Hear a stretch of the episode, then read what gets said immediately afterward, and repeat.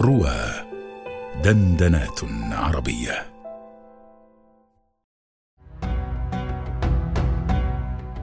آيات وأبيات مع الأستاذ أبي قيس محمد رشيد على رواه.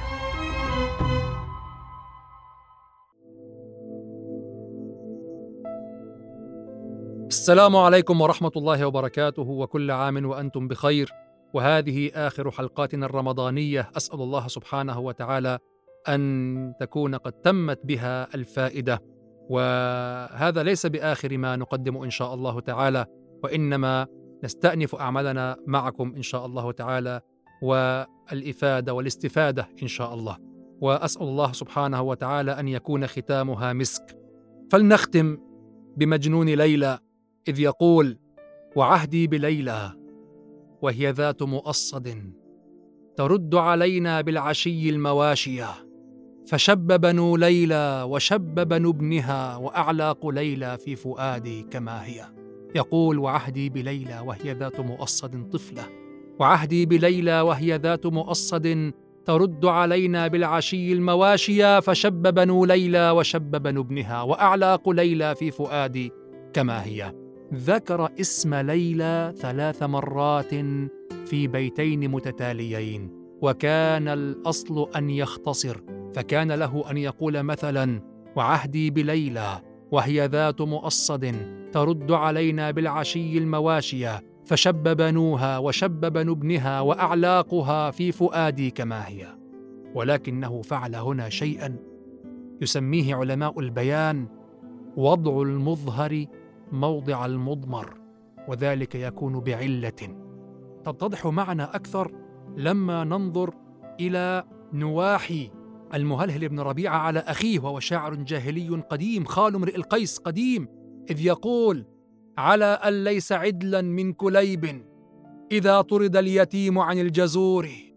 على أن ليس عدلا من كليب إذا رجف العضاه من الدبور.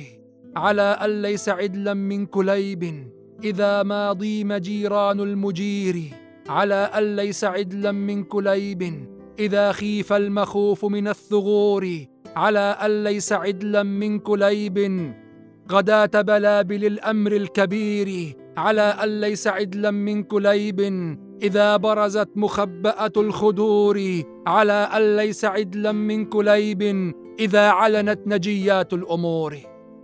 سبعة أبيات يكرر فيها اسم كليب ينوح به على أخيه.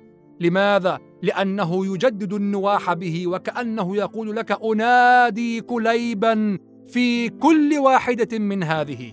وكان الأصل إذا لم يرد هذه النكتة البيانية أن يقول على أن ليس عدلا من كليب مرة واحدة ثم أن يقول بعدها على أن ليس عدلا منه على أن ليس عدلا منه.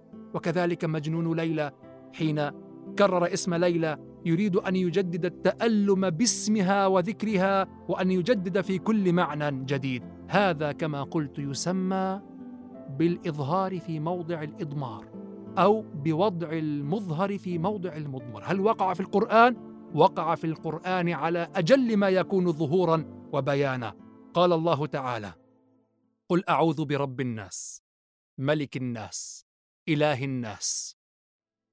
جلست مرة مع أحد الذين لا يؤمنون بالقرآن فقال لي لو كان القرآن بليغا لقال الله تعالى قل أعوذ برب الناس ملكهم إلههم الاختصار أما تكرار كلمة الناس فأراد فقط أن يسمعنا الألف والسين كثيرا فقلت له في ذلك لم تنتبه لأن الله تعالى يقول قل أعوذ برب الناس فأضاف الرب للناس لأن المقام مقام استعاذة وأنت إذا نظرت إلى أن كل جملة مستقلة بنفسها وجدت أنك تحتاج إلى أن تنظر لله مرة على أنه رب الناس ومرة على أنه ملك الناس ومرة على أنه إله الناس. ولذلك حتى لما ذكر المفسرون وجوها ثلاثة في هذا بين النعتية وبين البدلية وغير ذلك قلت إنها على البدلية. قل أعوذ برب الناس ملك الناس إله الناس. ما إعراب ملك الناس وإله الناس؟ فقيل في ذلك بالبدلية وقيل في ذلك بالنعتية ولكنها البدلية التي يقال في النحو فيها إنها ينوى عندها تكرار العامل. يعني كأنك قلت قل أعوذ برب الناس قل أعوذ بملك الناس. قل يا محمد أعوذ بإله الناس. تعال كذلك انظر إلى قوله تعالى فبدل الذين ظلموا قولا غير الذي قيل لهم. فأنزلنا على الذين ظلموا رجزا من السماء بما كانوا يفسقون. وكان الأصل على الاختصار أن نقول فبدل الذين ظلموا قولا غير الذي قيل لهم فأنزلنا عليهم رجزا من السماء بما كانوا يفسقون. لكن قلنا فأنزلنا على الذين ظلموا رجزا من السماء. قال الله تعالى فأنزلنا على الذين ظلموا فأظهر موضع الإضمار. ولكن ليحذر الشاعر والمبين أن هذا الباب باب دقيق. لماذا؟ لأنه إذا لم يكن للإظهار في هذا الموضع نكتة بلاغية دقيقة وفائدة كما وجدناها في كتاب الله وكما وجدناها في كلام المهلهل بن ربيعة وكما وجدناها في كلام مجنون ليلى إذا لم يكن هذا كذلك وإذا لم تكن لها علة تسوغها فإن المتكلم يقع في الحشو والتطويل في الكلام وهذا من أقبح ما يكون في بيان العرب وبيان العرب لسان عربي مبين ونزل القرآن بلسان عربي مبين وكل عام وأنتم بخير وتقبل الله تعالى منا ومنكم. والسلام عليكم ورحمة الله وبركاته. الله أكبر الله أكبر الله أكبر لا إله إلا الله. الله أكبر الله اكبر ولله الحمد الله أكبر كبيرا. والحمد لله كثيرا وسبحان الله بكرة